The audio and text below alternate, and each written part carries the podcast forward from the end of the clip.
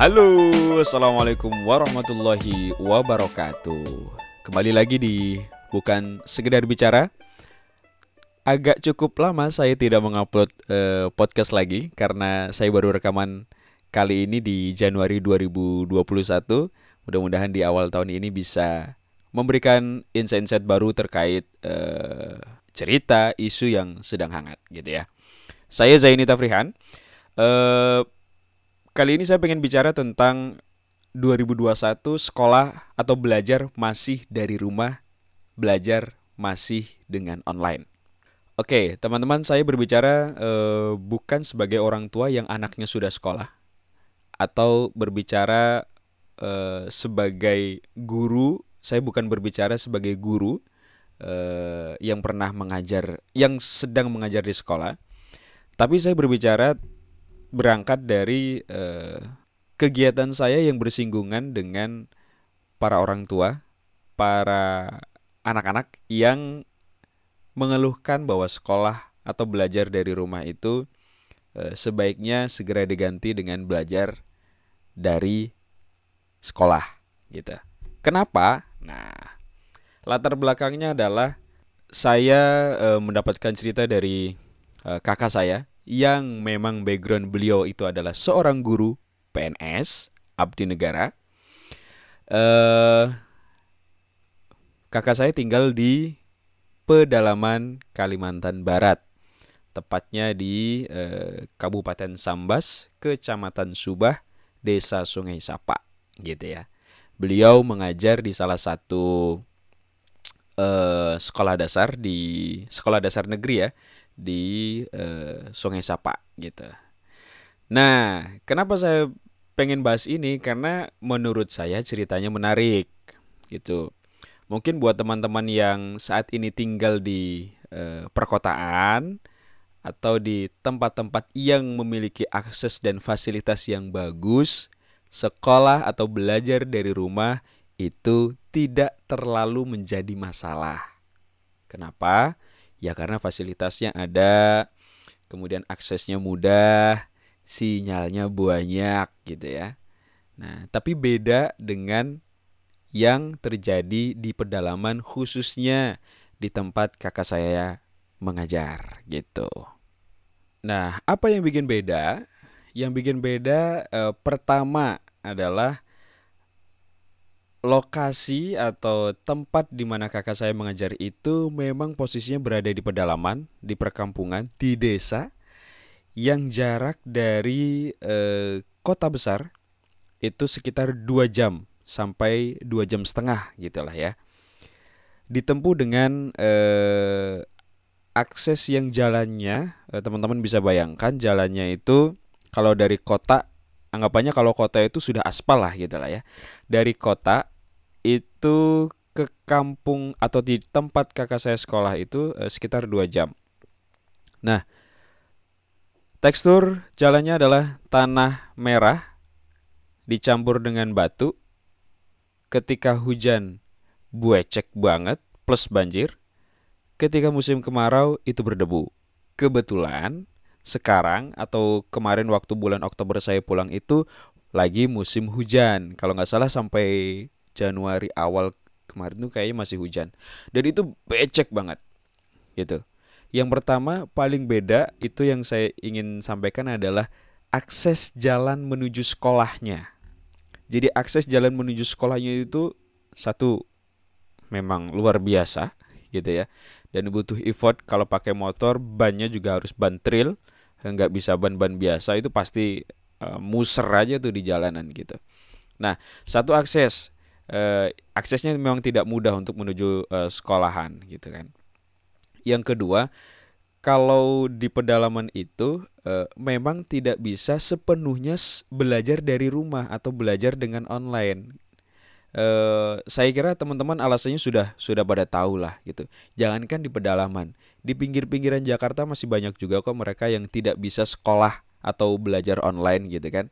Bahkan HP aja sampai minjem ke tetangga, kemudian eh, ya banyak hal lah banyak hal yang tidak bisa dilakukan ketika eh, pola belajar itu eh, dari rumah orang tua yang tidak siap untuk memberikan eh, apa mendampingi belajar anaknya dan lain-lain. Nah, kalau di pedalaman eh, pasti salah satu sat, eh, yang pertama itu adalah mereka tidak punya eh, fasilitas gadget. HP itu jangankan smartphone, orang tuanya itu HP aja nggak punya teman-teman. Sudah kebayang lah, HP nggak punya. Untuk sekolah reguler saja, teman-teman itu ini yang saya lihat dan saya rasakan dulu, gitu ya. Sekolah menggunakan sepatu itu satu hal yang mewah. Sampai hari ini masih masih ada.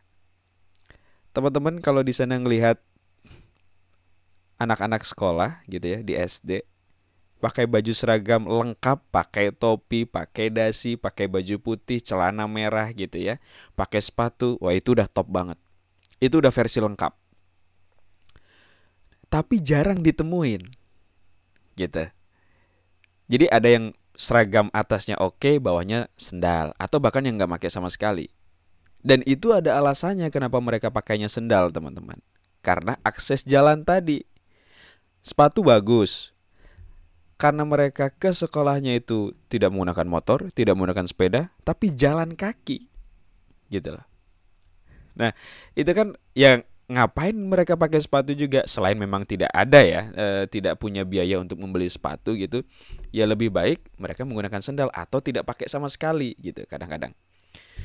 Nah, eh yang saya bilang tadi mereka tidak bisa sekolah dari rumah atau belajar dari rumah itu satu gadget mereka tidak punya.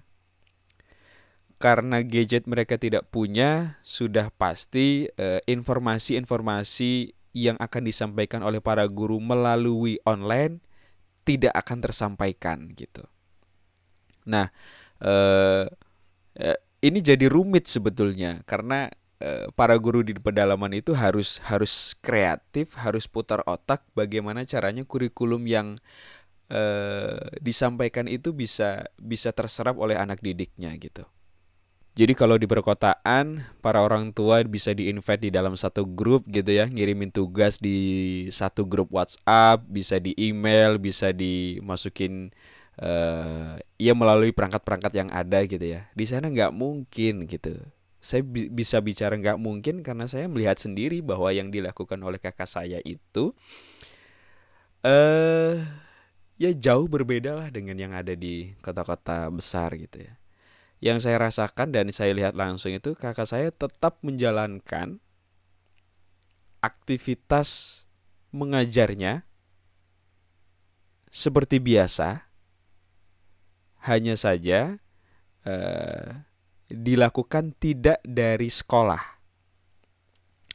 Kakak saya tetap melakukan eh, proses belajar mengajar, tapi dari rumah kakak saya.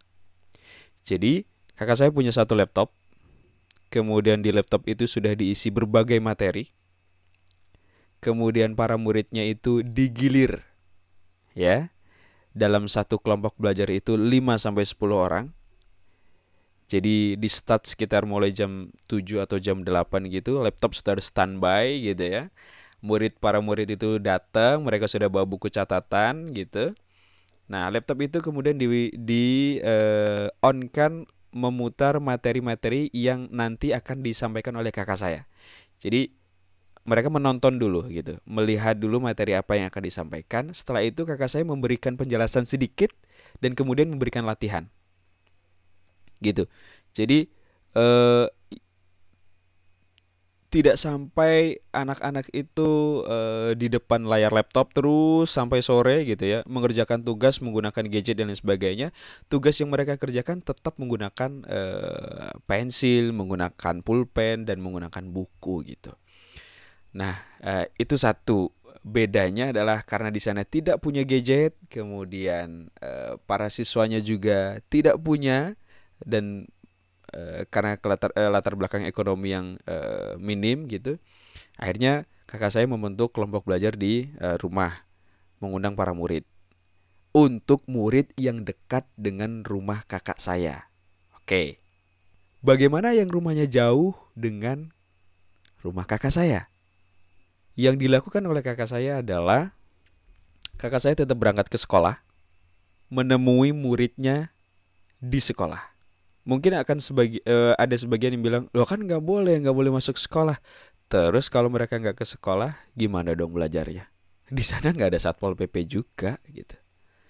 Tapi mereka di sana sadar betul bahwa memang aturan dinasnya, eh, diknasnya bahwa sekolah ditutup gitu kan. Nah, cuma kalau anak-anak sekolahnya itu tetap belajar dari rumah, siapa yang ngajarin? Orang bapaknya pergi ke kebun, ibunya juga ikutan nyawa gitu kan. Yang ada ini kasusnya yang ada ya di pedalaman itu justru anaknya diajak ke kebun aja gitu. Ya kan ngebantuin orang tuanya. Dan itu banyak kok kejadian yang kayak gitu gitu. Tapi alhamdulillahnya eh, beberapa berita saya baca di 2021 ada beberapa eh, titik lokasi sekolah yang di 2021 boleh uh, melakukan proses belajar mengajar tatap muka dan ini satu kabar gembira juga sebetulnya gitu. Kasihan sebetulnya kalau yang di pedalaman itu. Karena kalau oke jangan di pedalaman deh. Aktivitas yang saya lakukan uh, di dunia kemanusiaan di awal-awal PSBB itu jangan kan di pedalaman deh pinggiran Jakarta lah gitu. Ada yang di Serang, ada yang di Bogor gitu ya. Ada yang di Depok juga gitu. Masih ada mereka yang ketika e, diberlakukan sekolah dari rumah ya orang tuanya banyak yang pusing juga gitu loh. Kan kita juga biasa yang lihat tuh video-video yang viral kan.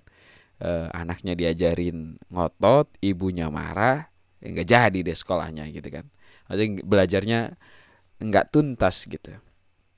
Nah, mudah-mudahan di 2021 ini kita berharap belajar online atau belajar dari rumah bukanlah satu-satunya solusi untuk menghadapi pandemi ini gitu. Karena kasihan generasi-generasi yang ada di pedalaman, saya fokus di pedalaman, mereka benar-benar aksesnya, fasilitasnya itu tidak selengkap kita gitu.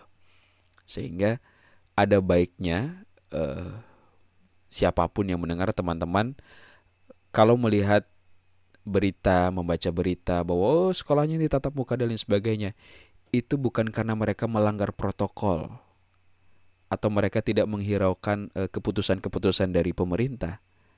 Tapi solusi apa lagi yang bisa mereka lakukan? Aktivitas belajarnya itu mau dari mana kalau bukan dari sekolah?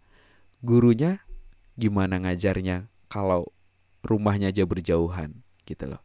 Jadi eh, sebaiknya kita tetap memberikan eh, dukungan kepada para guru, terutama kakak saya. Halo Mbak Amin, tetap semangat eh, mengajar anak-anaknya, mengajar anak didiknya, mengajar muridnya yang jarak tempuhnya luar biasa. Saya merasakan bahwa di setiap perjalanan itu kalau lagi hujan banjir, kalau lagi hujan bueceknya luar biasa. Saya pernah share juga videonya. Itu jadi tantangan para guru pedalaman. Tidak hanya di Kalimantan Barat saya rasa. Di NTT, di ya di pedalaman mana pun lah. Kasusnya sama. Satu, tidak ada gadget. Kemudian sinyal juga jarang gitu ya. Kemudian jarang jangankan sinyal, internet lagi lah pokoknya. Aduh, susah gitu. Nah, e, benar atau tidaknya kondisi yang saya ceritakan itu Eh, tergantung teman-teman mau menangkapnya seperti apa. Tapi kalau saya ya eh, besar kecil saya ada di sana di pedalaman itu di Kalimantan. Jadi saya pelaku sejarah juga yang melihat aktivitas kakak saya yang ada di sana gitu. Uh, mudah-mudahan bermanfaat teman-teman dan mindset kita menjadi lebih luas lagi bahwa uh, belajar dari rumah mungkin bisa diterapkan di kota-kota besar di akses yang uh, bagus gitu ya tapi belum menjadi solusi yang baik kalau itu diterapkan di pedalaman atau di sekolah-sekolah yang ada di pinggir-pinggir kota. Saya Zaini Tafrihan, terima kasih sudah mendengarkan. Assalamualaikum warahmatullahi wabarakatuh.